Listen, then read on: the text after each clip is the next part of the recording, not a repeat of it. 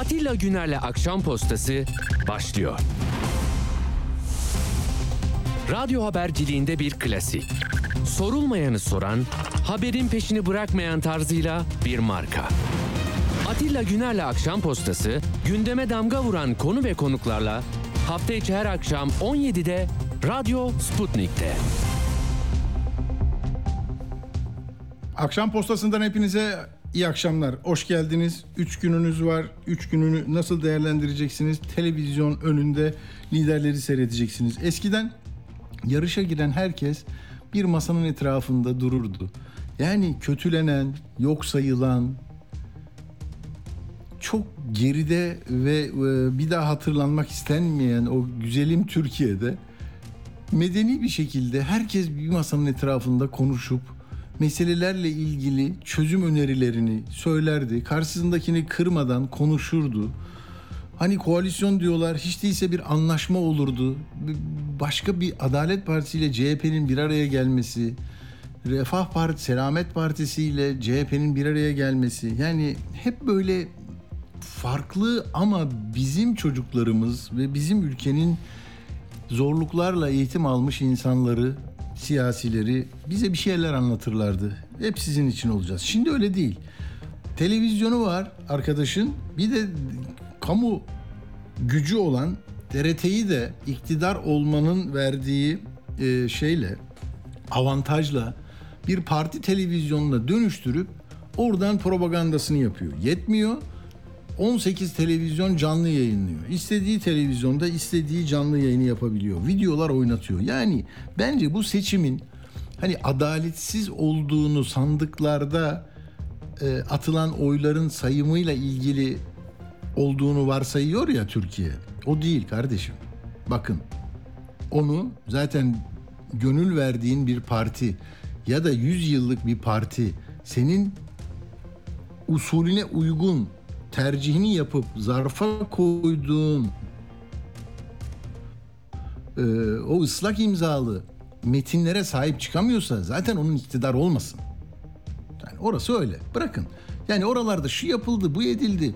Eğer devletin e, bu kadar e, her şeyi yapabilmeye muktedir olduğunu kabul ediyorsak zaten pes etmiştir. Öteki taraf e, iddiasını ortaya koyarak bu sistemin başına gelmeyi nasıl sağlayacak? 21 yılda olamadı. Şimdi deneniyor bir daha. Umutları kırmak istemem ama demek istediğim şu. Yani adil ve eşit olmayan yarışın başlangıcı zaten düdük çaldığında hani bir maraton başlayacaksa ya en önde 700 metre ileride birisi var. O oradan başlıyor. Sen arkadan başlıyorsun. En geriden başlıyorsun. Al TRT. Ya bu TRT nasıl bir yayın, nasıl bir yayıncılık? Ben mesela hani mahkemeye gitse birisi dese ki ya ben vergi veriyorum, şuradan şunu veriyorum ve şu siyasi partiyi beğeniyorum ama onu hiçbir zaman çıkarmıyor. Bu nedir ya? Bu nasıl bir gözümüzün içine baka baka nasıl oluyor? Şöyle oluyor. Ee, TRT Haber yani Adalet ve Kalkınma Partisi'nin yayın organı haline getirildi. Yönetiminde zaten kimler var biliyorsunuz. Mehmet Zahit Sobacı basın ilan kurumundan oraya gelmiş yönetim kurulu. Oğuz Göksu Cumhurbaşkanlığı İletişim Başkanlığı Özel Kalem Müdürü personeli. Erdoğan'ın liderlik kodlarını yazmış. Atakan Yılmaz, AKP Araştırma Geliştirme Eğitim Başkan Yardımcılığından. Mücahit Eker, İletişim Başkanı Medya Koordinatörü. Hilal Kaplan, Sabah yazarı. Meryem İlayda Atlas Çetin, Daily Sabah yayın koordinatörü, SETA araştırmacısı. Şimdi bunlar yani aman dengeli olalım. Bak medya yayıncılık ilkeleri vardır. Ne olur hepimiz dikkatli olalım, etik davranalım, mesafeyi koruyalım mı diyecekler. Yok ya. Ya neler yapıyorlar neler. Ben şimdi iki tane şey gördüm en son. Bak ondan başlayalım. Sonra bugün ve yarın neler olacak onu söyleyeceğim size. Ee, nerede arkadaşlar bu Gazi Gazi? Ha şimdi bak. E, TRT Haber'de şu var. E, Bingöl'de 30 yıl önce hepimizin canını acıtan 33 erin katledilmesi olayı var. Yani terör örgütü PKK'nın talimatıyla sonra orada yargılamalar da oldu, karışıklıklar oldu, çözüm sürecini o zaman denenliyordu, e, onu bitiriyor dedi, Özal'a karşı dendi. Neyse şimdi orada bir anma var değil mi? Anlıyorsun. üzücü bir şey. Türkiye'nin 33 ayrı noktasından evladını kaybetmişsin. Devlet televizyonu, kamu yayıncısı TRT haberi açıyorsun. Sana hatırlatıyor, üzülüyorsun. Üzülüyorsun, vay diyorsun ya otobüste sivil kıyafetli, bunu nasıl böyle yolunu çevirdiler, katlettiler. Ya onun konulma gerekçesi ne biliyor musun? o şu bölüm bak bu bölümü zerk etmek için size seçim öncesi küçücük o Gazi Osman Partal orada kurtulmuş bir er şimdi ne olmuş 30 yıl geçmiş 50 yaşında bir vatandaşımız ne diyor bir dinleyin bakayım. Şehit arkadaşlarımın, atalarım, dedelerim nasıl kanının son damlasına kadar savaştıysa, şehit olduysa arkadaşlarım da gözünü kırpmadan son sözü vatan sağ olsun diyerek şehadet şerbetlerini içti. Ama bizi üzen konular işte e, şu anda bizim katillerimizle aynı yolda yürümeye çalışan siyasileri gördükçe bir gazi olarak çok derinden üzülüyorum. Devletleri görünce çünkü devletin artık devlet oldu. Bak hükümet ama hükümet eşittir devlet haline geldi. MGK kararı gibi yani karşısındaki bütün cepheyi PKK ile birlikte hareket eden ilan etti. Bitti. Tamam mı? Bitti. Artık herkes buna uyacak. Şimdi bak konuşturuyor adamı yıl dönümünde oradan zehri yani zehir dediğim şu arkadaşlar adil olmayan, eşit olmayan yani yarışı hileyle, hurdayla, montajla arasına nifak sokarak halletme halleri. Bunlar bunlar iş mi ya?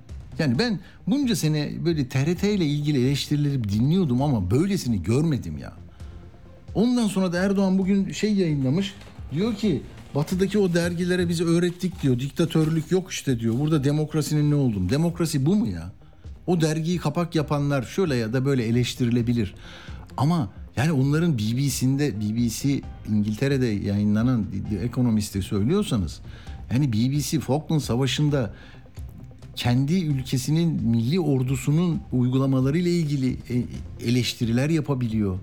Ülke yönetimini eleştiriyor. Yolsuzluk geldiğinde saklamıyor, etmiyor. Yani bu, bu bir göstermelik bir şey. Yani bizim bir sandığımız da olmasa zaten tamam. Tantuna Tuntuna Cumhuriyeti diyeceğiz yani. Sandık var, Allah'tan var. Oraya gidiyoruz. Oraya da katılımı en yüksek ülkelerden biri oluyoruz. Ama bu sadece bu bizi demokrasi ile yaşanan bir ülke yapmaz. Etik olması lazım yayıncılığın. Böyle yayıncılık mı olur ya? Bu ne ya? Bak şimdi bugün ne yaptılar? Al size bir şey daha söyleyeyim. Bu akşam e, CNN Türk geç onu. Sinan Oğan TRT Haber'de bak 22.30'da. Sinan Oğan TRT Haber'e çıkamadı. TRT onu yok saydı. Çünkü diğer nasıl bak Kemal Bey'in resmini koymayıp diğer yazılar ya A Haber'de. TRT Haber'de aynı formülü, aynı şablonu uygulanıyor. Sen Erdoğan ve Erdoğan'ın yanında kümelenenlerden değilsen diğersin. Ötekisin, düşmansın, mandacısın. Dinsizsin, imansızsın, kitapsızsın. Bu ya bak bu kadar sert bir propaganda ile gidiyorsunuz seçime. Ondan sonra bugün İmamoğlu bir pazara gitmiş Bayrampaşa'da. Oradan birisi diyor ki PKK'lı istemiyorum. Lan PKK'lısınız siz. Ya bir dur ya. Yani zaten yani Türkiye'nin 25 milyonunu PKK'lı yaptınız. Şehirlerde CHP'ye oy verildi diye işte bak PKK'lılar size verdi diyorsunuz seçmene de. Belediye başkanı gelmiş oraya halkın helal oylarıyla. Trabzon uşağı bir adam. Terörle ne işi olur? Terörist aldı dediler bir tane çıkmadı. Yani bu insanları çıldırtıp ondan sonra insanların üzerine sürdürüyorlar. Erzurum'da taş atanlar da böyleydi işte. E ne yapmış? İmamoğlu'na galiba video küçücüktü. Sonra orada bir kargaşa oluyor falan. Şikayetçi olmuş birisi. Kim oldu bilmiyorum ama ifadesini almak için aldılar pazarcı. Yani ne diyeceğim?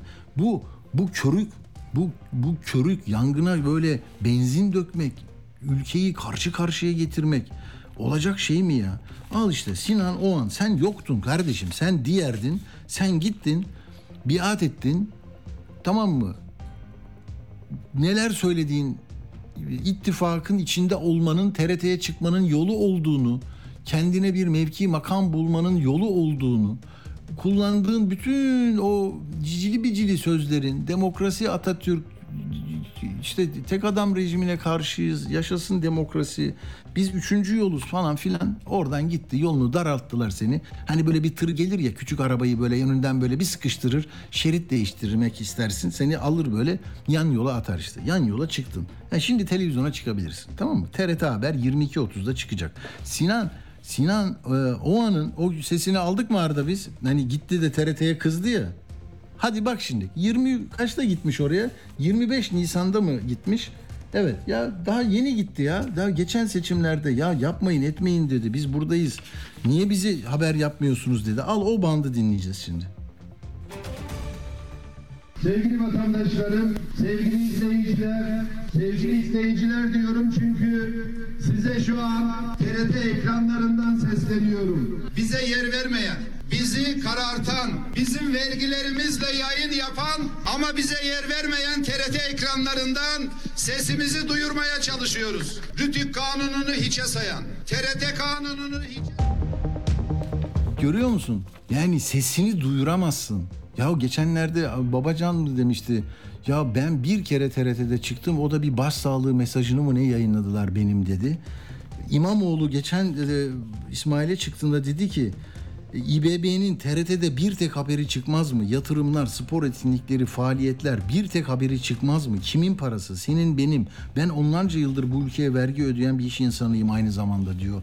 Çıldırmak işten değil. Yok kardeşim bir kalemde üstün çizilebilir. Çünkü burası sandıkta katılımla oluşturulan demokratik bir cumhuriyet. Aldı mı evet'i tartışması ayrı kalsın. Yani o yok hile hurda o işlerde o işlerde bildiğiniz gibi değil. Benim anladığım o. Yani sonucu etkileyen o değil. Bu büyük propaganda aygıtı, eşit, adil olmayan bir yarış, insanların kutsallarıyla yürüyen bir propaganda. Bir de görsel e, showroom'un girişinde kullanılan devasa büyüklükteki gemiler, gökdelenler, içinde para olmayan finans merkezleri, içinde adalet olmayan binalar ve saray lafı budur. Budur yani. Hakkında yasal olmayan bir zeminde kurulmuş külliyer kararı var. Beşiktaş'ta şey düzeltiyorum Üsküdar'da denize nazır sıfır bir yer var. Yıkılması lazım. Çevre Bakanlığı tak onu korumak için şey yapıyor. Bak gök kafesi korumak için de yıllar önce ilçeyi değiştirmişlerdi. Bu zihniyet ne ne inançlarınızla, ne bayrakla, ne ezanla değil. Hortum, hortum, hortum deniyor ya. Her neyse o hortumu siz bilirsiniz anlamını. Yani iktidara gelene kadar kullandığınız enstrümanlar var. Geldikten sonra da nasıl o zaman kimin zamanıydı bilmiyorum. Mesut Yılmaz'ın mı, Tansu Çiller'in fark etmiyor. Yani ama o o başka bir şeyi kullanıyordu. Bu bunu da değerlendiriyor. Seçmen havuzunda tablo bu. Dolayısıyla bu çıkıyor. Al işte TRT Haber'e çıkmanın yolu budur çıkıyor. Ee, Erdoğan da akşamleyin 20'de CNN Türk Kanal D'de olacak. Her gün çıkıyor. Halk TV'de, Babala TV'de Kemal Bey'in o uzun e, şeyini, yayınını, e, telif hakkını satın almış bu akşam yayınlıyor. O da enteresan bir gelişme. İşte TRT'deki süreleri de söyleyeyim, bunu kapatayım. Siz biraz bunlara kafa yorun, bunları talep edin. TRT'ye ne yapacaksınız? Yani sivil sivil e, tepki nasıl gösterilir? Bu televizyonlarla nasıl mücadele edilir bu anlayışla? E, Bak 1 Nisan 1 Mayıs'ta Erdoğan TRT'ye 32 saat 42 dakika çıkmış. Bahçeli 25 saat çıkmış. Topluyorsun bütün Cumhur İttifakı'nı tamam mı? Ee, işte 3600 dakika canlı yayında kalmış. Yani topla işte 32, 50, 57, 60, 70 saat. Şeyde Millet İttifakı sadece 42 dakika. Tamam mı? 42 dakika. Böyle. Dolayısıyla e, burada adalet varsa, burada demokrasi varsa yeter. Bak Anadolu Ajansı sıradan bir cinayet davasının Hüdapar'ı hatır, hatırlatır diye korkak bir el giriyor diyor ki sakın domuz bağ deme. Çünkü Hizbullah bunu yaptı. Hizbullah'ın devamı da şimdi meclise girdi Erdoğan'ın sıralarından. Dolayısıyla e, metinden çıkarın onu diyor. Bak Kemer Mahallesi'nde Esenler'de e, Doğan Haber Ajansı ne Demirören Haber Ajansı da bunu ilk önce diyor ki domuz bağı yöntemiyle bağlanmış halde bulundu. Neymiş bu? Ne uyruklu? Pakistan uyruklu muydu? Evet Pakistan uyruklu. Sonra DEHA ikinci bir haberinde domuz bağını çıkarıyor. Diyor ki e, bacakları ve ağzı bağlanmış diye. Ya domuz bağı deyince çünkü bir siyaseti anlıyorsun sen. Onu bile yasaklıyor. Ama sen hiçbir şekilde ittifak ortaklığın olmayan, senin dışındaki birisi sana şu ya da bu şekilde destek verirse sen onunla anılırsın. Onu o parlamentodadır. Kırmızı plakası vardır. Meclisi yönetir ama dağla arana şey koymadın diye bunu böyle yaparlar. Tamam hepimiz yani hepiniz hayatının bir döneminde soğancı kardeşim gibi. Bak şimdi havuç 65 lira olmuş. Tamam mı? Pazarda gördüm 65 lira havuç. Şimdi havuç depolarına gitmiyorsunuz, baskın yapmıyorsunuz. Teröristler ne yapacaklar bilmiyorum ben. Ee, bakalım ne olacak bilmiyorum. Kılıçdaroğlu da diyor ki bedeli ne olursa olsun kazanacağız. Evet. Diyor ki ayağa kalk Türkiye'm diyorum. Nefsine hakim olanların iktidarı geliyor. Bay Kemal'in yanında kula kulluk edenler olmayacak diyor. Bay Kemal'in yanında siz olacaksınız. Korkma, kaygılanma. Çünkü bak korku, kaygı, yeniden kayıp, kaybetme duygusu, ihtimali öyle yapıyor. Şimdi anketler var. Anketlerden de nesini bahsedeyim? Yani Kemal Bey'e 3 puan vermişler. Erdoğan'a da 4 puan vermişler. Nasıl olsa diyorlar işte böyle olur. E, ama dur bakalım ya. Dur bakalım. Yani bu katılımın düşük olduğu Doğu, Güneydoğu illeri. Orada e, Kürt seçmene dün e, HDP'nin, Yeşil Sol Parti'nin e, seslenişinin yaratacağı etki gideceğiz diyor. Tamam Kemal Bey'in adını söylemediler ama Kemal Bey'in adını söylemeden kime karşı olduğunu söylediler. Tamam mı? Ayhan Bilgen de bak parti kurdu, Ses Partisi. O da diyor ki Kemal Bey'i desteklemeyeceğiz. O da Erdoğan'a vereceğiz diyemiyor. Bunlar olur siyasette ama ya bir, de bir vatandaş var ya. Yani ne istediğini bilen ne insanların oluşturduğu koca koca kalabalıklar var. Onlar da onlar da herhalde bakıyorlar. Hani bu böyle olursa bu böyle oldu. E 5 yıl içinde ne olacağız peki? Evet. Şimdi e, bugün işte Kemal Bey'in onu da söyleyeyim de konuğumuzu arayabiliriz arkadaşlar. E, uyuşturucu meselesini yeniden Kemal Bey gündeme getirdi. Adana'daydı. Orada da böyle uyuşturucu bağımlısı olan bağımlı ailelerin çocuklarıyla bir araya gelmiş. İşte baronlar korunuyorlar vesaire. Daha önce çok yapmıştı bunu. O durmuştu. Herhalde bir el dedi ki ona hatırlattı yani partiden. Ya biz bu uyuşturucu meselesini de gayet iyi bir şey yapmıştık. Hadi onu halledelim. Neyse öyle diyor. Bakalım. Ama Adalet ve Kalkınma Partisi'nin rehavet meselesi, Anadolu'ya, Karadeniz'e gidenler var. Aman ha diyor. Bunu hemen merkeze bildirin diyor. Bak bence Erdoğan'ın bu sıkı yönetimi, o hali enteresan. Diyor ki sonuçlar kesin kesinleşip Cumhurbaşkanımızın resmi açıklamalarına kadar görev yerinden ayrılmayın. Sandık görevlisi arkadaşlarımız resmi açıklamaları doğrultusunda hareket etsin Erdoğan'ın diyor. Bak özellikle büyük şehirler başta olmak üzere büyük ebeveynlerin Anadolu Karadeniz bölgesine doğru rehavetten kaynaklanan hareketliliği gözleniyor. Mutlaka il teşkilatlarımıza bildirilsin yakınları ve seçmenlerimiz bu durumu. Ulaşımına kadar birçok konuda yetkilendirdik. Yani şimdi gitme kardeşim verenin paranı 29'unda sana bilet alalım. Tamam mı? Ankara Turizm biz çünkü Cumhurbaşkanlığını kazanacağız bir yere kıpraşma diye konuşuyorlar. Bakalım ne olacak. Şimdi e, efendim e, Vahap Coşkun'la konuşacağız. Bağlantı sağlandı mı? Dicle Üniversitesi Hukuk Fakültesinden hocamız e, epeydir de konuşmuyorduk. E, merhaba e, Vahap Coşkun, hoş geldiniz. Merhabalar, hoş bulduk. Atilla Bey çok teşekkürler, sağ olun. Sağ olun.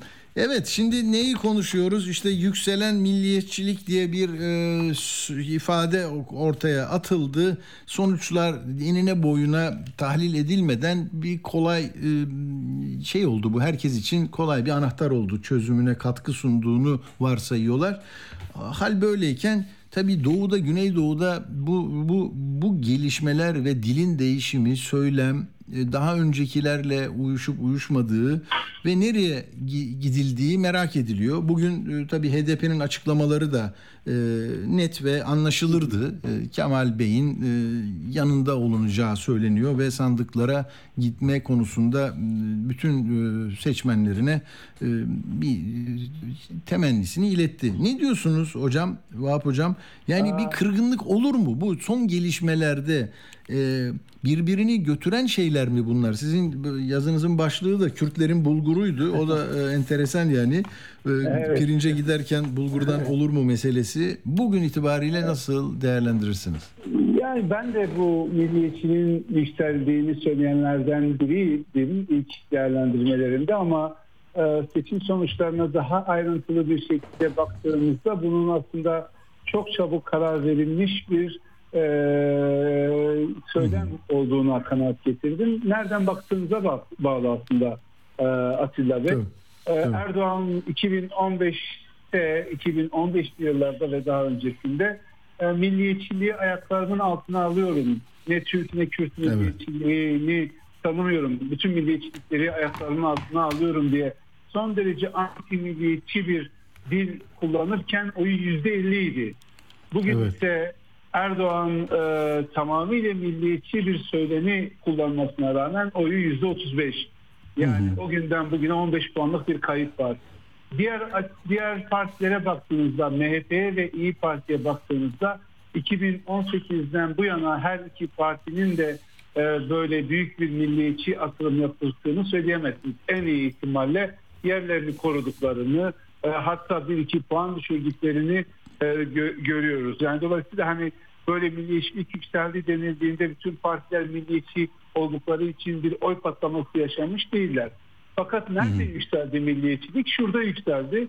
Ee, her iki ittifak da milliyetçi söylemlere mahkum oldular. Milliyetçi söylemlere hapsoldular.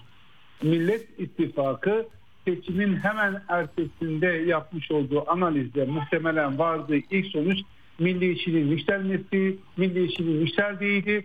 O halde ikinci tura biz de milliyetçi bir propagandayla gitmeliyiz kararına varıldı ve 14 Mayıs'tan sonra e, bu dil tamamıyla e, değişti. Şimdi milliyetçiliğin Türkiye'de beslendiği iki temel kaynak var. Bir tanesi e, göçmenler, sığınmacılar, mülteciler her ne derseniz nasıl adlandırırsanız adlandırın bir kesin. Bir diğeri ise Kürt meselesi. Bu iki mesele üzerinden milliyetçilik harlanıyor. Ee, Kılıçdaroğlu ve ekibi e, 14 Mayıs'tan önce de bu mülteciler konusunda e, çok olumlu bir dile sahip değillerdi ama e, 14 Mayıs'tan sonra demin söylediğim okumadan hareketle daha mülteci karşıtı bir dil e, kullanmaya başladılar. Şimdi bu siyaseten Millet İttifakı'na ne getirir ne götürür bunun üzerinde durup düşünmek lazım. Eğer hani mültecilik karşıtlığı gerçekten birinci belirleyici olsaydı e, Erdoğan'ın yüzde 49.5 oy almaması gerekiyordu. Dolayısıyla siz bu dille daha keskin bir dil kullanarak Erdoğan'a oy vermiş olan seçmeni kendi tarafınıza çekemezsiniz. Diğer taraftan yine mültecilerin yoğun olarak yaşadığı yerlere baktığımızda daha işte Zafer Partisi'nin veya Sinan Oğan'ın çok büyük oylar aldıklarını görmüyoruz. Oradaki seçmenler için de e, mülteci karşıtlığı tercihlerini yaparken ilk baktıkları bir mesele değil. O nedenle ben hani Millet İttifakı'nın bu dile e, çok çabuk döndüğünü ve burada yapmış olduğu yatırımdan beklediği sonucu elde etmeyeceğini düşünüyorum. İkinci konu ise Kürt meselesi. E, burada da Millet İttifakı'nın aslında Sayın Kılıçdaroğlu'nun aslında Kürt seçmenlere vermiş olduğu tek bir e, söz vardı işin doğrusu. O da kayyumların kaldırılmasıydı. Ve bu sadece Kürtler için değil aslında Türkiye'deki bütün seçmenler için geçerli bir şeydi. Çünkü kayyumlar doğrudan e, seçmen iradesinin gaspından başka bir anlam ifade etmiyor. Fakat Zafer Partisi ile yapılmış olan mutabakatta bu kayyumların bir şekilde devam ettirileceği söyleniyor. Mahkeme kararlarıyla yine e, devlet görevlilerinin seçilmiş kişilerin yerine atana, atanma uygulamasını devam ettireceği söyleniyor. Peki orada çok özür dilerim Vahap Bey. Yani bu mesela gündemle örtüşüyor mu? Yani Türkiye mesela hani bir bazı belediye başkanlarının hala görevde olduğunu ve bu yöntemle onları e, tasfiye etmek gerektir falan böyle bir tartışma da yokken o girdi yani değil mi? Enteresan. Sadece tabii bu sadece e, Zafer Partisi'nin kendi gündemini Millet İttifakı'na Evet. kabul ettirmesinden e, ibaret. Diğer açıdan baktığınızda aslında mutabakatın diğer maddeleri konusunda da Türkiye'nin gündeminde bir öyle bir tartışma yok. Evet. Yani mesela şu anda ilk dört maddenin değiştirilmesini savunan bir siyasal siyaset mi var? Gündem bununla mı ilgili? Vatandaşlık tanımının değiştirilmesini savunan bir siyaset mi var? Gündem Evet. bununla ilgili? Hayır. Millet İttifakı'nın zaten eee, kendi protokollerinde e, kamuoyuna sunmuş oldukları dokümanlarda böyle bir ifade yok. CHP'nin zaten böyle bir ifadesi yok ama bu Zafer Partisi'nin kendi e, siyasetini, kendi taleplerini, kendi seçmenlerinin hassasiyetlerini e, Millet İttifakı'na, Millet İttifakı adayı Kemal Kılıçdaroğlu'na kabul edilmesi, kendi desteklerini bu şarta bağlamasından ibaret. Şimdi bunun e, Kürt seçmen üzerinde etkisini hesap etmek lazım. Şöyle hesap etmek lazım. Ee, bu bölgede e, seçime katılım oranı zaten Türkiye ortalamasının altındaydı. Örneğin Bu- Burası çok önemli. Buradan Evet. bir şey çıkar diyorlar. Yani Evet. buradan dengeleri değiştiren bir sonuç çıkabilir. Tabii yani e, Diyarbakır'da yüzde 81 idi. E, Türkiye ortalaması yüzde 89. Van'a, Muş'a gittiğinizde bu oranlar biraz daha alt seviyelere iniyor. Şimdi bu kadar milliyetçi bir savunmanın Millet İttifakı açısından düşünülmesi gereken ilk husus şu. Acaba bu milliyetçi değil, bu sert söylem Kürt seçmenlerin bir kısmını daha sandıktan uzaklaştırabilir mi? Böyle bir tehlike var. Nitekim Peki burada Vahap Bey bu bir sesi ben vermedim. Pervin Hanım'ın ve Mithat Bey'in konuşmalarından minicik bir şey verelim. Bunun etkisi ne olur diye belki o sorunun önünde hem dinleyenlere onu vermiş olayım. Tabii tabii. Peki verebilir miyiz Necdet? İlk band. İlk band. Ha? Erdoğan bizler açısından asla bir seçenek değildir. Ve tek seçenek onu ve temsil ettiği iktidarı değiştirmektir. Sandığa eksiksiz gideceğiz ve hep birlikte tek adam rejimini değiştireceğiz. Bizler demokratik dönüşüm, adalet, refah ve özgürlük hedefimizden vazgeçmiyoruz. O nedenle tercihimizi saray rejimini değiştirme konusunda ortaya koymuştuk. Aynı kararlılıkla bu tercihimizi ve politikamızı sürdürüyoruz. Evet bu mesela bu tereddüt siz bu yaz- yazıyı kaleme aldığınızda da herhalde bu açıklamalar yapılmamıştı değil mi HDP Yeşil Sol'dan? Bu mesela önemli midir? Bunu m, yani seçmene o duyguyu ileten ve m, yani sandığa gidelim evet e, ve bu rejimi değiştirmen gücümüzü gösterelim e, mesajı olarak algılamış oluyor mu seçmen? Evet yani aslında e, hani bu e, Zafer e, Zafer Partisi ile yapılan mutabakat en çok Yeşil Sol Parti'yi, HDP'yi zora soktu. Biliyorsunuz dün toplandılar, bir karar alamadılar. Bugün bu kararı açıkladılar. E, Şimdi e, bazı e, çok temel e, olgular var. HDP için mesela boykot bir seçenek değildi. Asla böyle bir seçenek olmadı. Evet. İki, HDP için Erdoğan da bir seçenek değildi. Asla böyle bir seçenek olmadı. Buradaki tehlike e, seçmenin bu dilden rahatsız olup sandıktan uzak durması. E, 14 Mayıs'tan bile daha düşük bir katılım Hmm. e, göstermesi. Bu e, Kılıçdaroğlu için büyük bir tehlike. Çünkü Kılıçdaroğlu bölgeden yoğun oy aldı. E, hatta HDP'den daha fazla seçmen Kılıçdaroğlu'na teveccüh etti. Evet. Dolayısıyla eğer Kılıçdaroğlu'nun seçimi kazanaması için yapması gereken en önemli iş Türkiye'nin genelinde de katılımı arttırması ama özellikle bölgede katılımı arttırması. Şimdi Tabii. dolayısıyla bu son üç günde hem Millet İttifakı'nın bütün bileşenlerine hem de özelde e, HDP'ye düşen unsur seçmeni bu konuda motive etmek. E, Sayın Buldan'ın, Sayın Sancar'ın ifadeleri hani bu motivasyonu sağlamaya yönelik. Ama şunu size söylemeliyim Atilla Bey. e, Burada 14 Mayıs'tan daha fazla bir çaba göstermek zorunda. Çünkü 14 Mayıs'ta zaten seçmen motive bir haldeydi. 15 Mayıs ortaya çıkan tablo o motivasyonu biraz kırdı. Dolayısıyla tekrar motivasyonu sağlamak, tekrar seçmeni sandık başına götürebilmek için çok daha e, ilk turdan çok daha yoğun bir gayrete ihtiyaç var. Yoksa böyle bir tehlike Millet İttifakı'nın da Sayın Kılıçdaroğlu'nun kapısında da duruyor. Onlar da bunun farkındadır sanırım. Peki alanda mesela Diyarbakır'da yaşayan bir insan hi- hissediyor mu? 14 Mayıs öncesinde hani daha e, güçlü bir şey vardı sanda yönelim şimdi Evet. e, yani 28 Mayıs içinde aynı şeyi son 3 günde yapmak mümkün mü? Mesela CHP'si işte orada Aha. daha oturmuş siyasi önderler, kanaat önderleri, si- sivil toplum o oradaki hava nasıl sizce? Ya tabii şimdi 14 Mayıs'ta çok büyük bir anlam atfedilmişti. 14 Mayıs'tan Tabii. sonra ortaya çıkan tablo iki açıdan seçmeni biraz hayal kırıklığına uğrattı. Bir HDP'nin aldığı oy beklentilerinin altında çıktı HDP seçmenleri açısından bu bir rahatsızlığa sebebiyet verdi. İki e, Kılıçdaroğlu'nun seçimi kazanması veya kazanmasa bile en azından Erdoğan'ın önünde yarışı tamamlaması yönünde bir beklenti vardı. Bu beklenti de boşa çıktı. Dolayısıyla bir e, hayal kırıklığı yaşandı. Şimdi bence Millet İttifakı'nın buradaki en önemli handikapı şuydu. Yani seçim ikinci tura kaldığında bu ikinci turun bir referandum olduğu algısını daha 15 Mayıs sabahından itibaren halka e, çok yoğun bir şekilde anlatmaları gerekiyordu. Bir iki gün nasıl bir strateji izleneceği üzerinden e, harcandı o boşa geçti. Yeni yeni e, hem Millet İttifakı'nın bileşenleri hem e, HDP bu bir referandum referandumdur.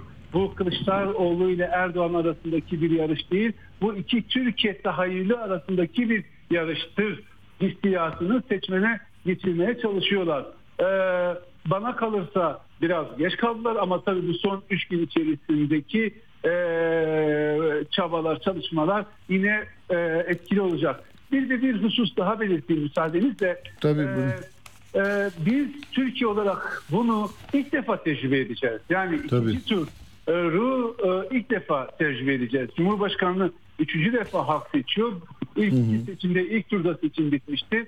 Şimdi üçüncü e, seçimde ilk defa ikinci tura gideceğiz. E, seçmenler buna nasıl reaksiyon gösterecek şu anda öngörmek zor.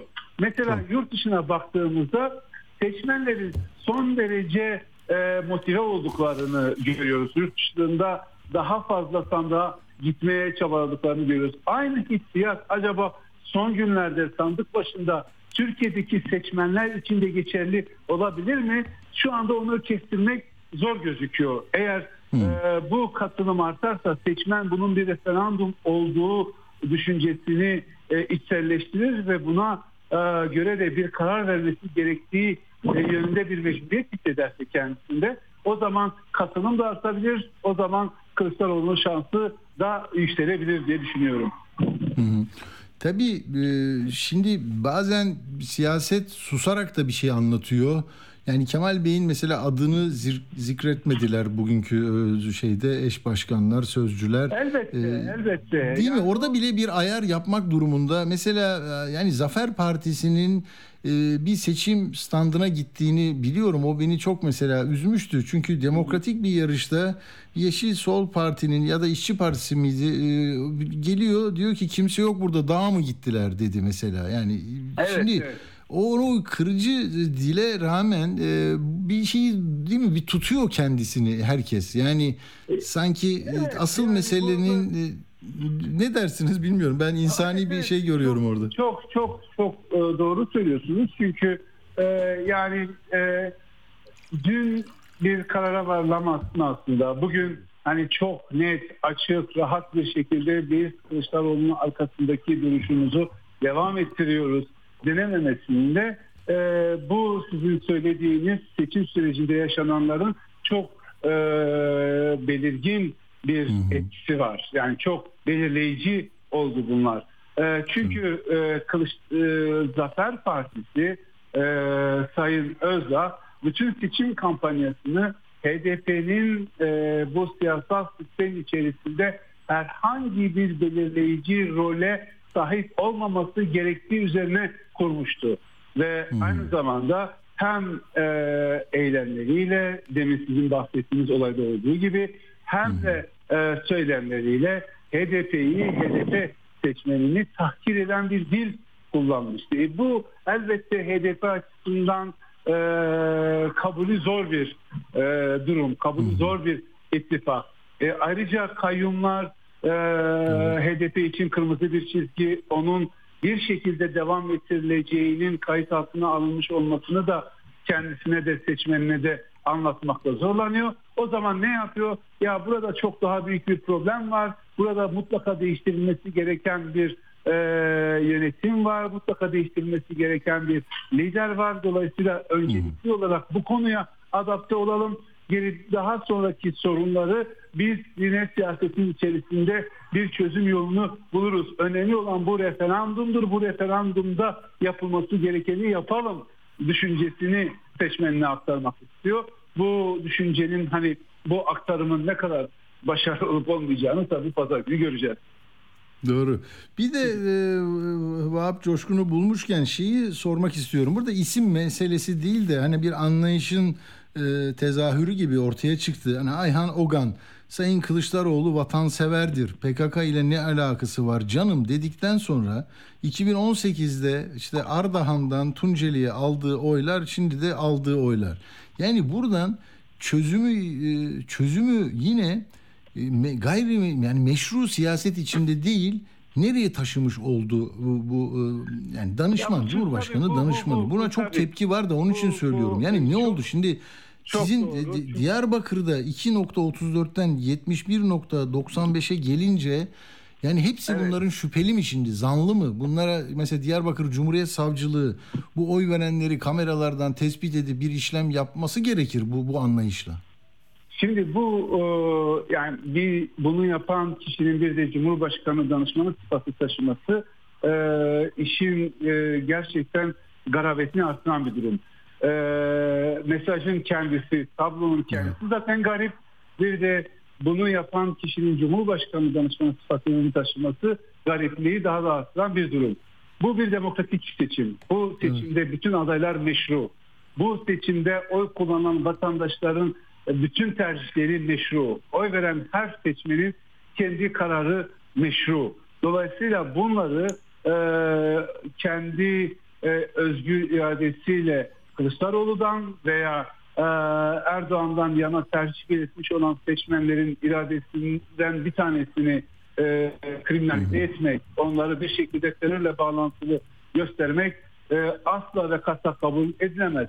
Bu seçmenler geçmişte bu seçmenlerin geçmişte yoğun bir şekilde AK Parti'ye oy veriyorlardı. O zaman e, o dönemi sorgulamak aklına gelir mi acaba bu danışmanın? Böyle bir şey söz konusu olabilir mi? Ters, tersi bir durum söz konusu olsaydı yani e, Sayın Erdoğan bu oyları almış olsaydı o zaman ne diyecekti? Bunlar kabul edilebilir bir hikayeler değil. Bu biz seçimler bitecek birlikte yaşamaya devam edeceğiz. 24 milyon insan e, gitti Sayın Kılıçdaroğlu'na oy verdi.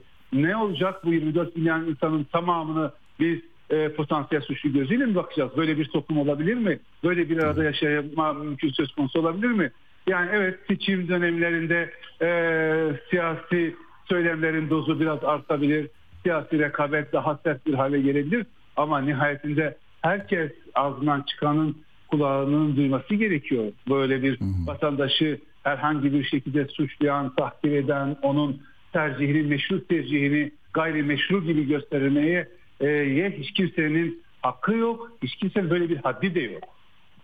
Çok yani çok incitici e, olduğunu düşünüyorum. Yani be- benim siyasi tercihime e, İstanbul'da böyle bir genellemeyle bir şey dense yani hakikaten ne hissederim bilmiyorum. Şimdi orada Diyarbakırlı yani düne kadar e, başka bir dille konuşan siyasetçi sizin hoşunuza giden ve sizi e, varlığınızı e, yani yok hükmündeydiniz ama şimdi sizi çok iyi anlıyorum dediği için oy alınca e, onu böyle kötülemek e, o zaman Demirel de mesela Kürt realitesini tanıyorum dediği yıllarda da onun bu lafına e, hoşuna giden oy veren insanlar da oldu değil mi? Böyle değil Ya midir zaten? ki canım, yani elbette e, AK Parti e, 2002'den bu yana Kürt seçmenlerden en fazla oy alan iki partiden biri. Tabii. Yani e, böyle bir gerçeklik var ortada. Şimdi bu gerçekliği gözümüzü kapatıp e, bu seçimde seçmenin tercihi farklı oldu diye onları suçlayan bir dil kullanmak e, kabul edilemez. Yani siyaseten de kabul edilemez, ahlaken de kabul edilemez. Evet e, bakalım e, 28 Mayıs ne gösterecek? E, Umarım yayın sonrası e, bu şey sonrası sonuçlar ortaya çıktıktan sonra tekrar konuşmak isterim sizinle. E, hocam e, Vahap Coşkun çok teşekkür ediyorum bizlerle Rica birlikte ederim. olduğunuz için. İyi yayınlar dilerim, iyi günler efendim. Sağ olun. Sağ olun. Sağ olun. iyi akşamlar.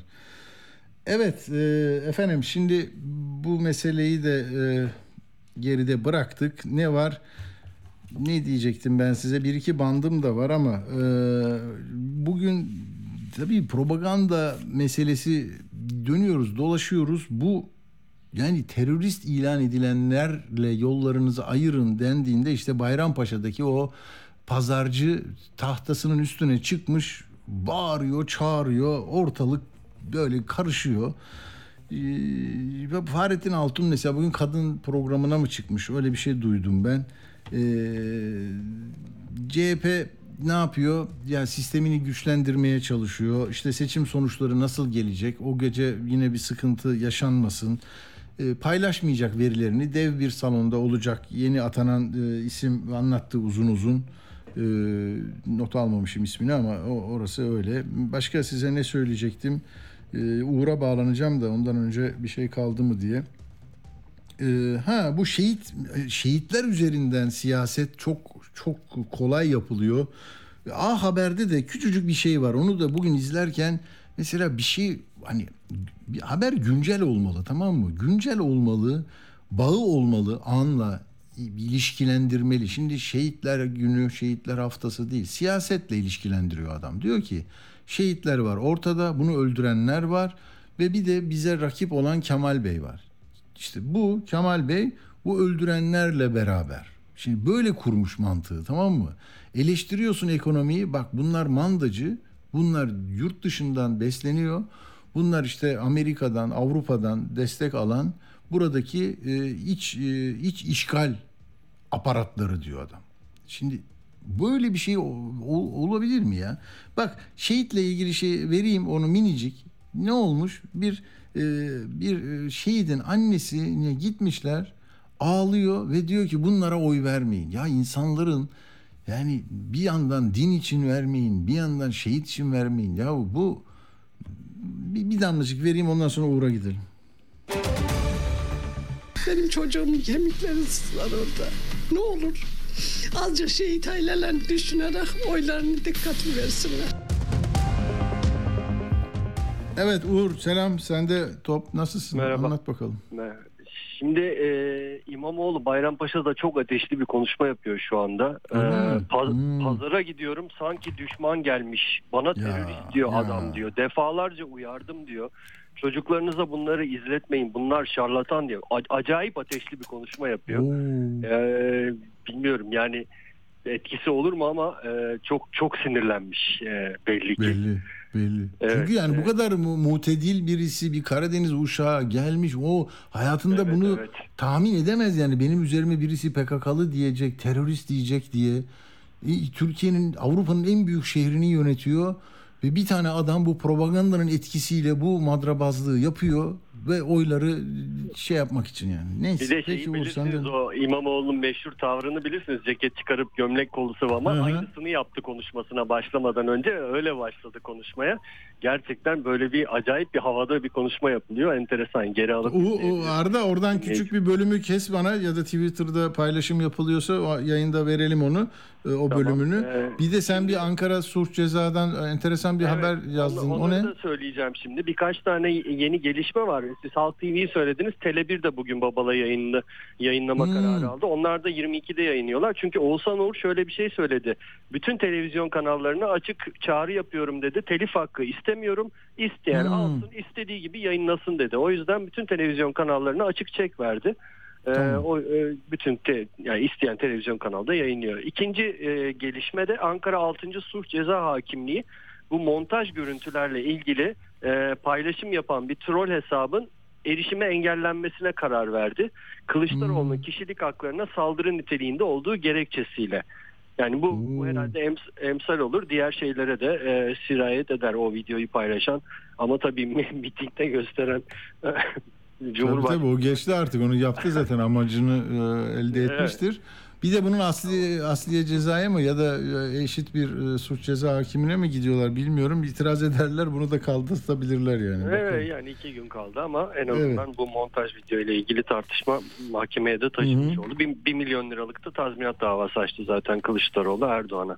Şimdi benim asıl anlatacağım mesele bugün e, şimdi 14 Mayıs seçimlerinde HDP'nin yani Yeşil Sol'un kilit parti olacağı çok belliydi ama e, çoğu siyaset bilimci Zafer Partisi'nin bu kadar belirleyici rol alacağını öngöremedi ama e, şimdi Türkiye'ye has bir durum değil tabii bu. Özellikle bu Suriye, Afganistan etkisiyle göçmen sorunu son yıllarda bütün dünyada siyasette dengeleri çok değiştirdi.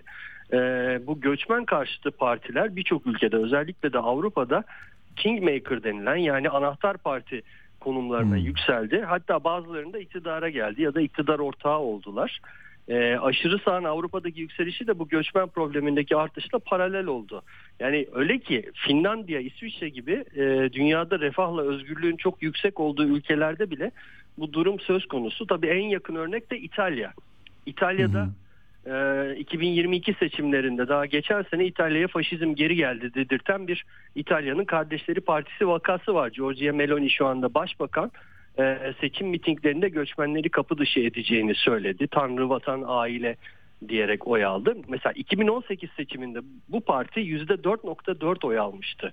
2022'ye geldiğimiz zaman %26'ya çıktı. Yani yükselişe bakar mısınız? 4, Ya. 5, 6 katına katlamış oluyor. Ee, ilk icraatı da zaten göçmenlere kapıları kapatmak oldu. Fransa zaten ayrı bir vaka. O da çok uzun zamandır devam eden bir aşırı sağ yükselişi var. Marine Le Pen ve eskiden babasıyla başlayan bir şey. Ee, 2017-2022 Cumhurbaşkanlığı seçimlerinde tamamen göçmen ve İslam karşıtlığı üzerine kurdu kampanyasını. Ee, son seçimde zaten ikinci tura kalıp e, tarihinin belki en yüksek oy oranını yüzde 41,5 aldı ve hatta şeydeki yani Fransa'daki siyasi analistler e, bir sonraki Cumhurbaşkanlığı seçiminde artık e, ailesinin bir üyesi e, Cumhurbaşkanı bile olabilir diyorlar. Çünkü göçmen karşıtlığı gerçekten orada çok büyük etki yapıyor. Avusturya zaten bu işin e, bir numarası Avrupa'da. E, ÖVP var orada 2013'ten beri %24 e, civarında oy alıyor. Son e, seçimde %37,5'a yükseltti. Meclisin en güçlü partisi.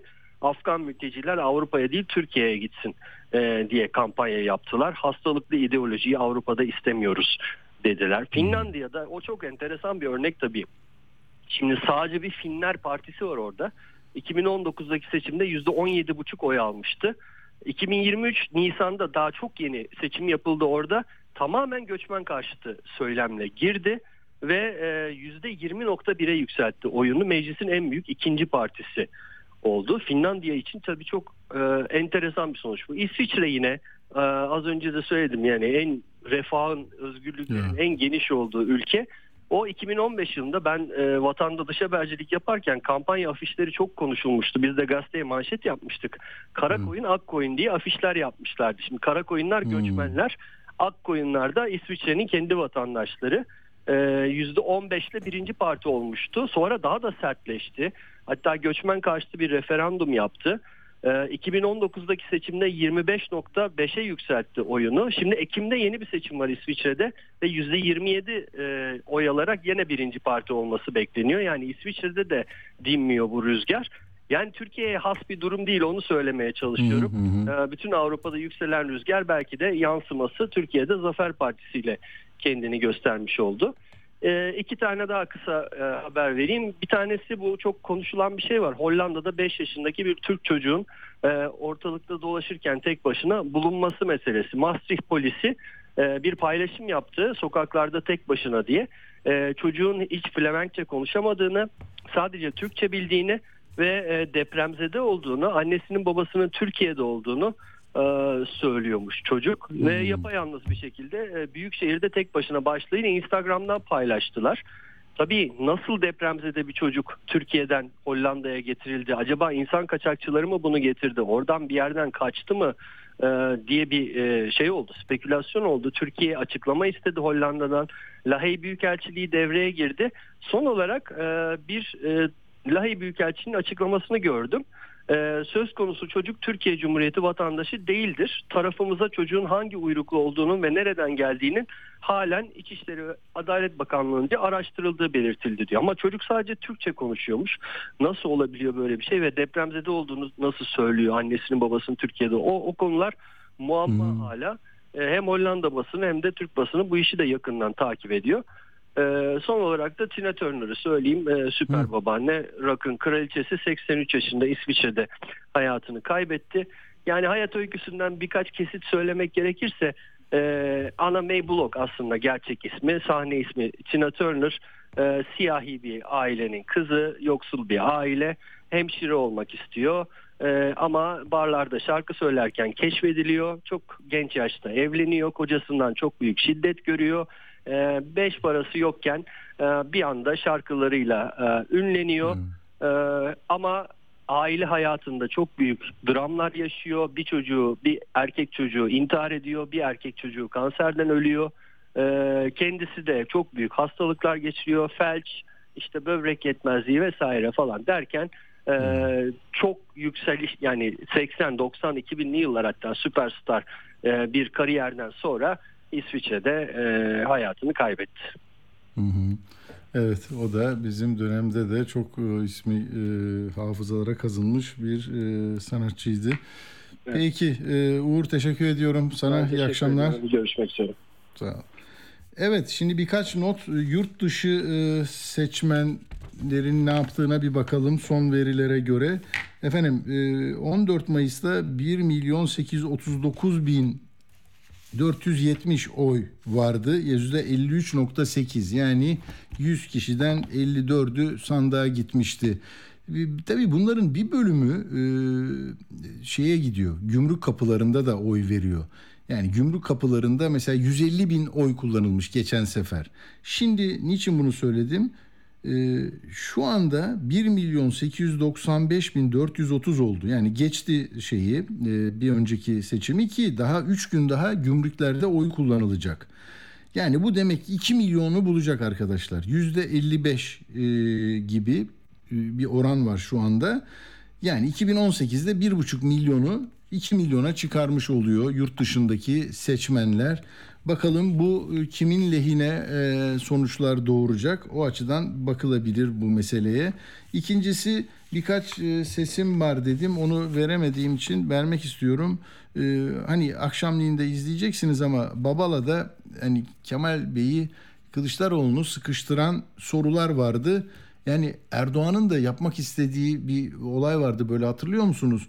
Ee, so- soruları verdi böyle herkes gitti ama sorular kenarda duruyor cevaplar da e, yine metin üzerinden e, böyleydi. Burada çok tansiyon e, zaman zaman artıyor ama o kadar soğukkanlı ki Kemal Bey e, şey bile söylemiş yani e, işte onu konuk eden Oğuzhan demiş ki ya çok sinir bozucu bir sakinliği vardı. Kıskandım demiş. 2 0 2 puanını o yüzden kestim. 10 üzerinden 8 verdim diyor.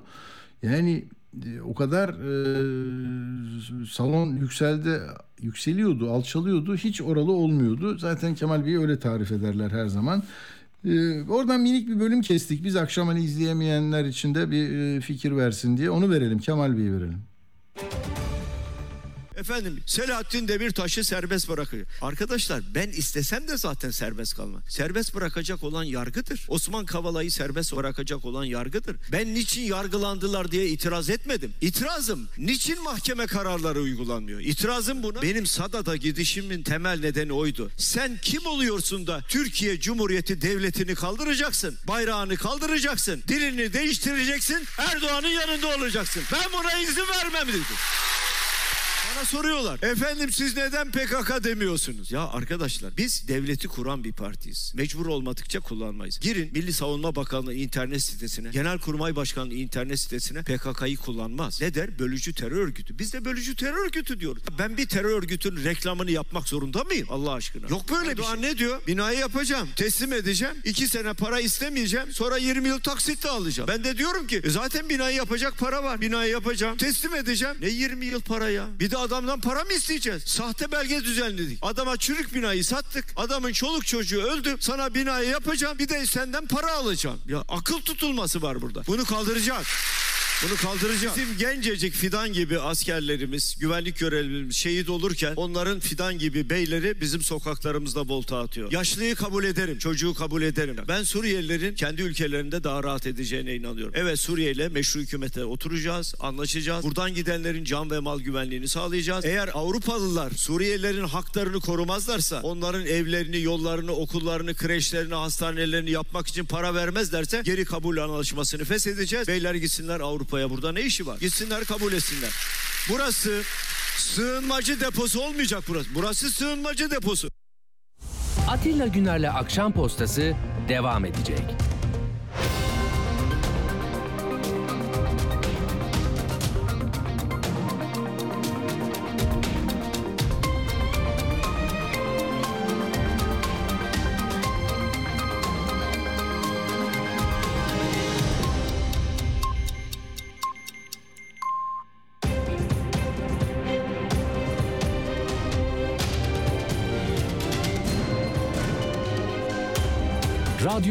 Sputnik. Anlatılmayanları anlatıyoruz. Radyo haberciliğinde bir klasik. Sorulmayanı soran, haberin peşini bırakmayan tarzıyla bir marka. Atilla Güner'le Akşam Postası, gündeme damga vuran konu ve konuklarla hafta içi her akşam 17'de Radyo Sputnik'te. Atilla Güner'le Akşam Postası devam ediyor. Şimdi yolcu biraz sonra bizimle olacak arkadaşlar. Bir küçük notum var onu sizinle paylaşmak istiyorum. Şimdi e, Hüdapar'ın dün söyledikleri kendi parti programı, hedefleri, seçmene dönük mesajlarında kullanıldığı, kullandığı dili emin olun yani yüzde birini e, HDP Yeşil Sol kullansa bambaşka bir propaganda bombardımanı altında kalırdınız. Ya şimdi e, Batman'dan seçildi Serkan Ramanlı milletvekili. Dört milletvekilinden birisi Hüdapar'ın. Şimdi kadınlarla mesafeli duruşları ondan sonra e, bu anayasanın ilk dört maddesi milletvekili seçiminden sonra yemin etme meselesi. Yani bunların hepsi üzerinde e, bu ulusal birliği, bütünlüğü, anayasalın anayasanın ruhuna e, dönük itirazları çok net söylüyorlar. Herhalde onlara da birileri sonra uyarı yapıyor. Şöyle oldu. E, bu Serva, Serkan Ramanlı'nın Batman'da yeminle ilgili ya biz CHP'li miyiz? Bu ne demek? Altı oka niye yemin edeceğim diyor. Yani Atatürk ilkeleri geçiyor ya orada. E, şimdi değiştirme gücümüz yok sonra bakarız demişti genel başkanı. Bakın ne diyor kısa bir bölümünü dinleteceğim size. Yani itirazları var yemine ama iktidarla bütünleşik bir hal aldılar. Onlara kimse bir şey demiyor ama HDP hiç yani öz daha bile bir laf etmiyor kayyum konusunda. Her gün şimdi Erdoğan yine bir ticaret erbaplarıyla bir araya gelmiş. Oradaki videoda boyuna Kandil'dekilerin görüntüleri, onların söyledikleri var. Ee, böyle bir eşitsiz bir tablo var. Bir dinleyin bakayım neden itiraz ediyormuş yemine Hüdapar. O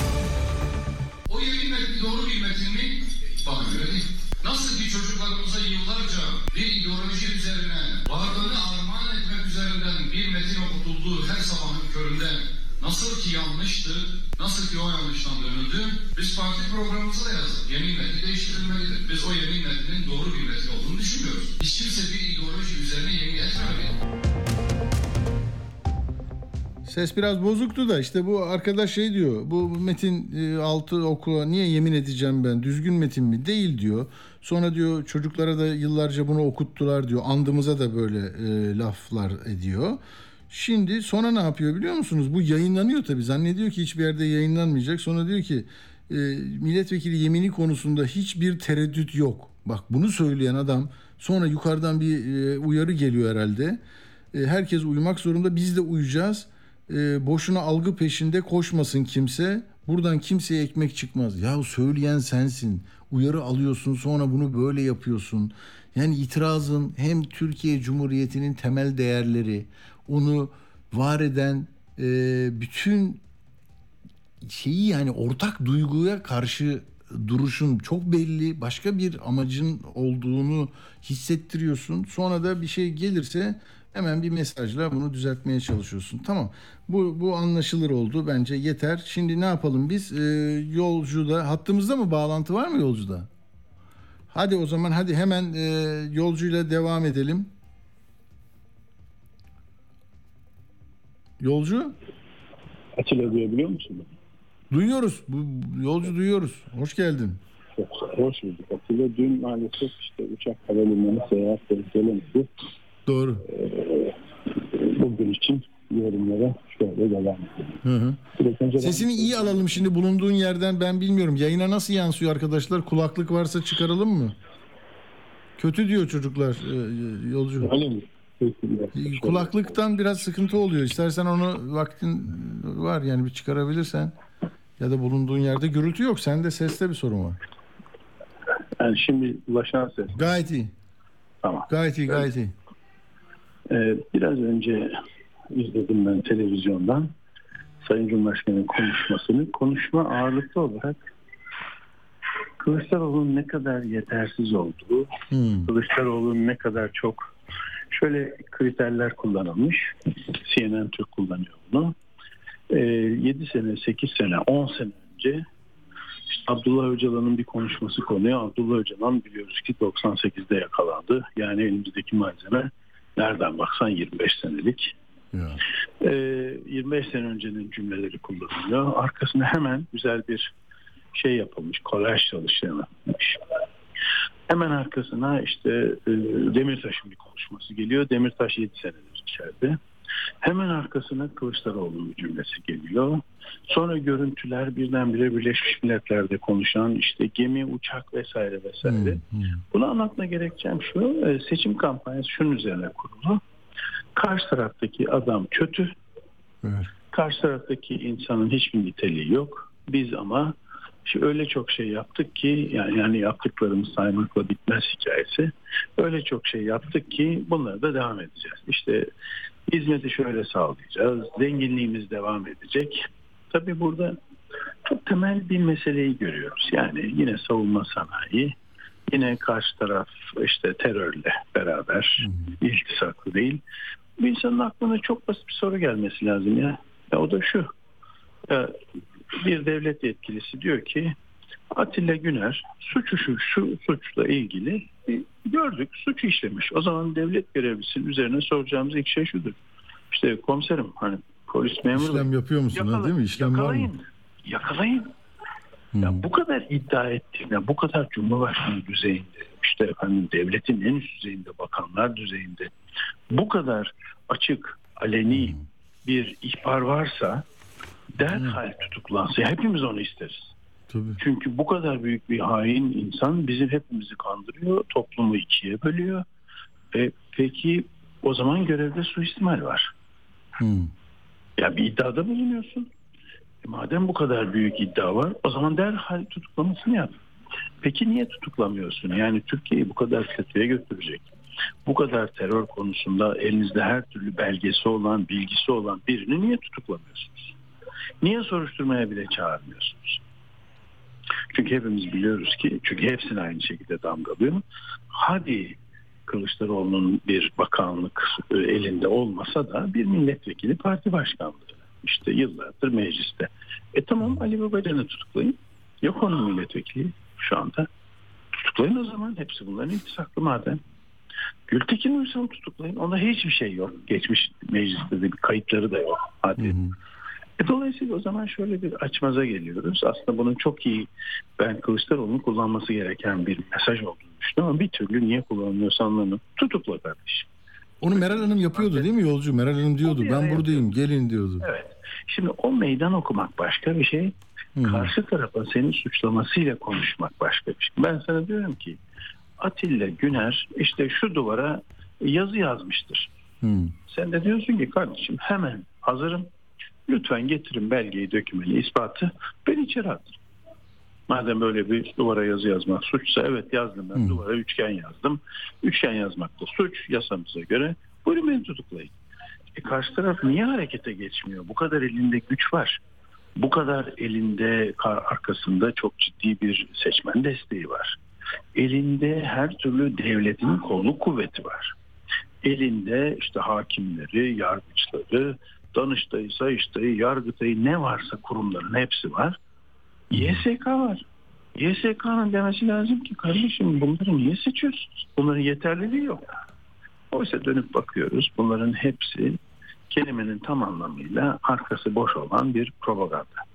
Ha bu propagandaya insanların kafasında niye bir kuşku olsa ya bunu söylüyorlar da niye bunu tutuklamıyorlar diye bir herhangi bir cümle gelmemesi için de şurada şunu yaptık, burada bunu yaptık, orada bunu yaptık, şurada şunu yaptık diye yani çarpıtmaya müsait her türlü enstrüman kullanılıyor.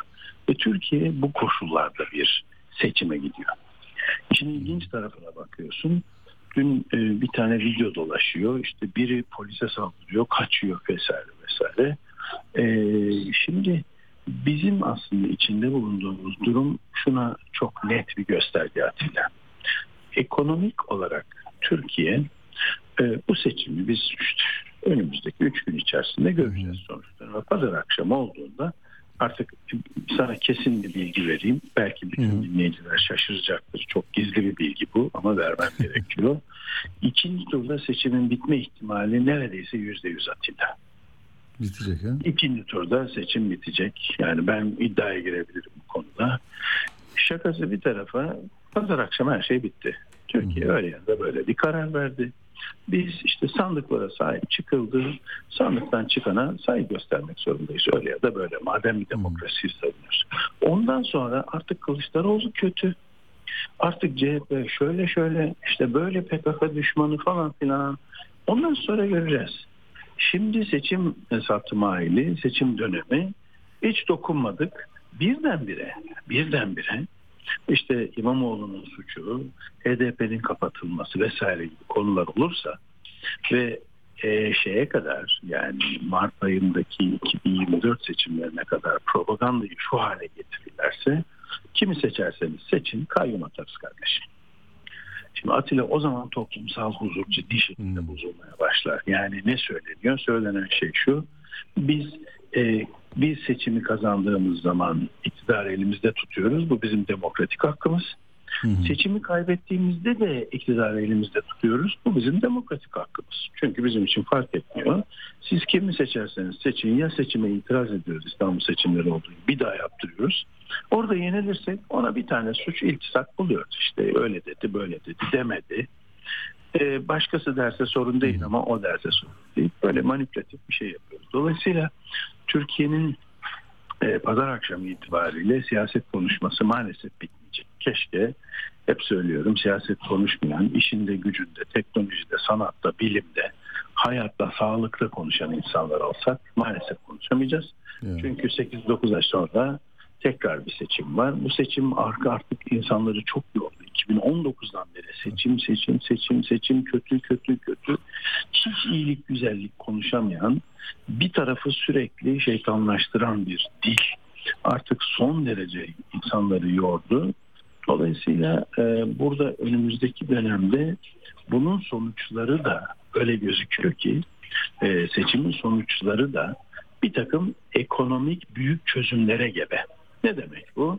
Türkiye'nin 200 milyar dolarlık bu hızlı çözülmesi gereken yani kısa dönemli bir yabancı para kaynağına ihtiyacımız var. Valla ben merak ediyorum. Yani her şey gücümüz yeter. Şöyleyiz, böyleyiz. Dış güçler, dış güçler. Etrafta bir dış güçler de gördüğümüz yok. Ne Yunanistan'ı, ne İsrail'i, ne işte Amerikalısı kimse bize taarruz etmiyor. Kimsenin saldırdığı yok. Hiçbir şey yok ortada. Bakalım bu para nasıl bulunacak? Yani çünkü en sonunda diyelim ki iktidar değişmedi. Değişirse başka bir for- formül göreceğiz, başka bir iddia göreceğiz. Bir de yarınki programda şundan uzun uzun bahsetmek isterim. Şu yapılan propaganda doğru propaganda değil. Nedir o aslında? Ee, seçimin şu anda sonuçlarına göre, birinci turun sonuçlarına göre meclisteki çoğunluğu Kılıçdaroğlu kaybetti. Görece Erdoğan'ın e, sahip olduğu ittifak kazandı. Peki güzel. Bu da eğer Cumhurbaşkanı Kılıçdaroğlu olursa hiçbir şey yaptırmazlar seçim. Bu tamamen yanlış. Bu çok Tamamen konuşuluyor. yanlış. Maalesef yanlış. Bugünkü sistemde yani meclisteki o sayı yetmiyor. Ha mecliste 400 sayı, 360 sayı vesaire gibi olsa olur. Hı hı. Ama meclisteki bu 322'lik sayıyla öyle Türkiye'de KHK'larla işte kanun hükmünde kararnamelerle o kadar rahatlıkla kullanabiliyorsun ki veto hakların var çıkardığın KHK'ların zaten e, bir takım engelleri olsa da e, Cumhurbaşkanlığı ve hükümeti kurma etkisi tamamen sana ait. Atilla Güner seçildikten sonra istediği zaman hükümeti görevden alabiliyor, yeni hükümet atıyor, meclis dışından istediğini teknokrat getirebiliyor gibi çok konuda yasa yapma, e, değiştirme, uluslararası imzalar atma vesaire vesaire gibi çok fazla yetkisi var. Bir miktarda ondan bahsederek onu netleştirmek isterim Atilla. Onun sonucunda e, halkımız elbet bir karar verecek ve demokratik olgunluk içerisinde sandıklara sahip çıkıp sandıklara giden, oyun namusunu gözeten, oyuna sahip çıkan ama sonuca da hürmet eden bir toplum olmamız gerekiyor. Ama sandığa sahip çıkmamış birinin sonuçlara gösterdiği saygının demokrasiyle e, ilintisi çok zayıflamaya başlıyor. Önce oyunu ver, sandığa sahip çık. Çıkan sonuçta da saygı çerçevesi içerisinde, yasa çerçevesi içinde her zaman demokratik sınırlarda kalmak kaydıyla her türlü hakkını koru kolla. Aslında Türkiye'nin gitmesi gereken yer burası. Hı.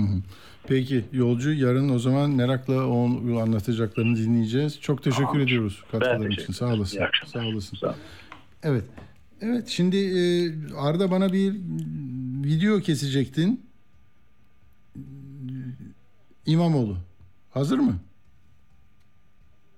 Peki İmamoğlu hatırlarsınız e, program içinde demiştim ki Bayrampaşa'da hatta o sesi de almış olsaydık onu da verebilirdik ama neyse çok bağırıyor. Ben Anadolu çocuğuyum.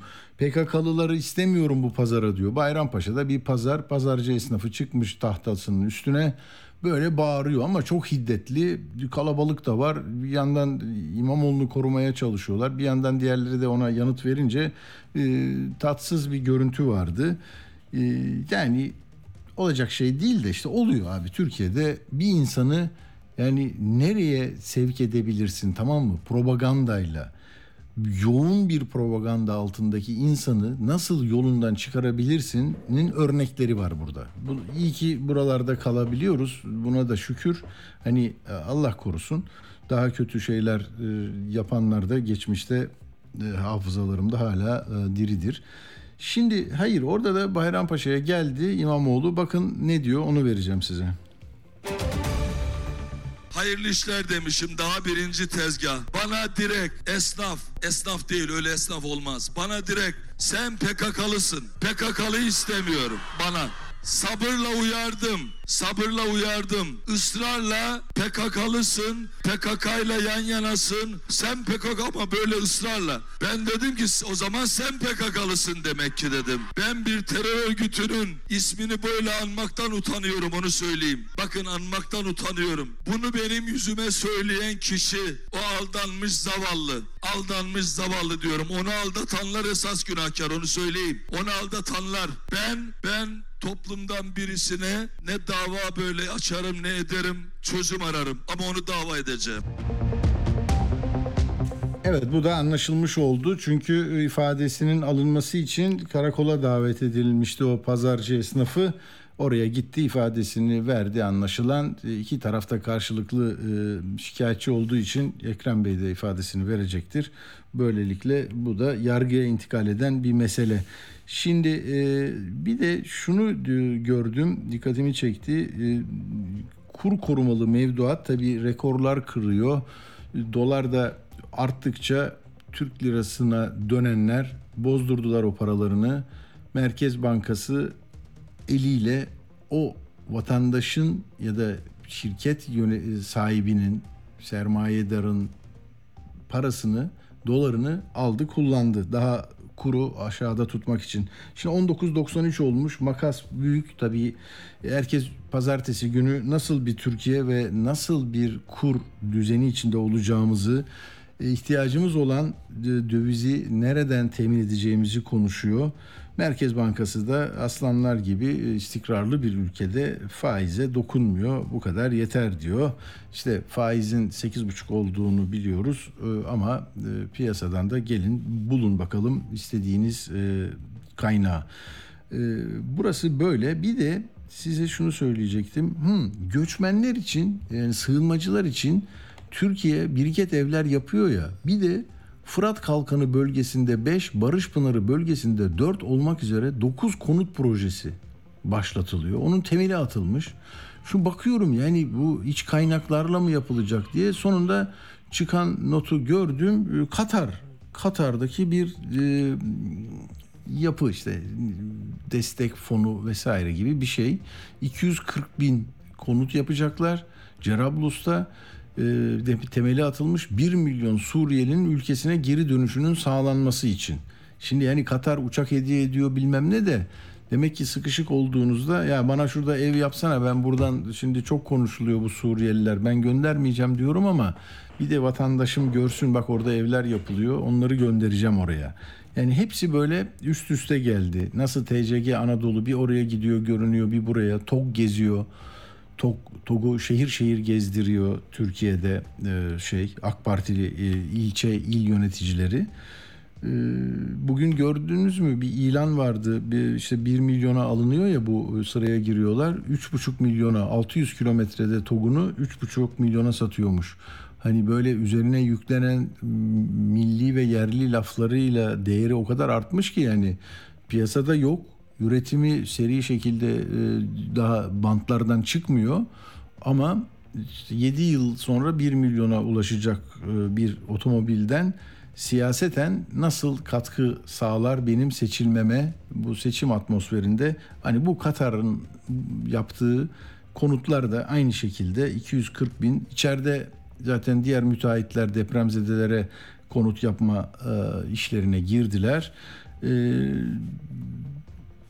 Peki buradan başka bir şey söylemeyeceğim. Bir de son notum var onu söyleyeceğim. 581 aydından işte gazetecisi, yazarı, çizeri, düşüneni oturmuşlar. Bir metin hazırlamışlar. Olur böyle şeyler bizim memlekette. Şeydi diyor 28 Mayıs'ta sadece iki ayrı Cumhurbaşkanı adayından birine değil nasıl bir ülkede yaşamak istediğimize geleceğimize karar vereceğiz. Yıllardır tek adamın keyfi yönetimi altında kavga, nefret, yoksulluk, adaletsizlik, baskı, yalan, talan düzeninde insanların yatağa aç girdiği, ekonomisi çökmüş, kurumları yok edilmiş, geleceği karartılmış bir ülkede yaşıyoruz diyor. Şimdi eşit, özgür, huzur, refah ve adalet içinde yaşama isteğimiz, hakkımız ve umudumuz var. Tek adama geçit vermeyeceğiz diyor. Neşemizi, hayatımızı, ağacımızı, nehrimizi, geleceğimizi ve oylarımızı çaldırmayacağız.'' İşte kimler var? Ahmet İnsel, Ahmet Ümit, Akın Bir Dal, Baskın Oran, Binnaz Toprak, gördüklerim Buran Şeşen, Eşber Yağmur Dereli, e, Garo Paylan, Mustafa Sönmez, Şebnem Korur Fincancı, Zülfü Livaneli. Ee, evet, sandığa sarıl kampanyası da var. Oy ver gitsin, bu karanlık bitsin diyenler de var.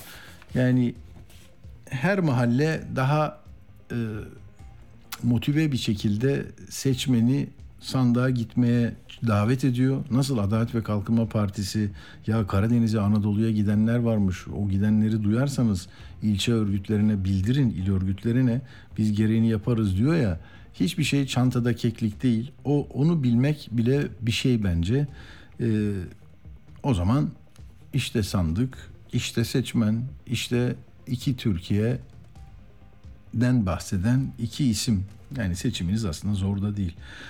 Peki sizlere iyi akşamlar diliyorum. Ee, Uğur'a, Arda'ya teşekkür ediyorum. Başka kim vardı? Sefa var biliyorsunuz yeni Sefa geldi. Ee, bizim Karadeniz uşağı şey nerede? Necdet Kayıp prodüksiyondaymış Necdet'te. Peki onlara da sevgilerimi iletiyorum. Sizlere de aynı şekilde. Hoşçakalın efendim. İyi akşamlar diliyorum.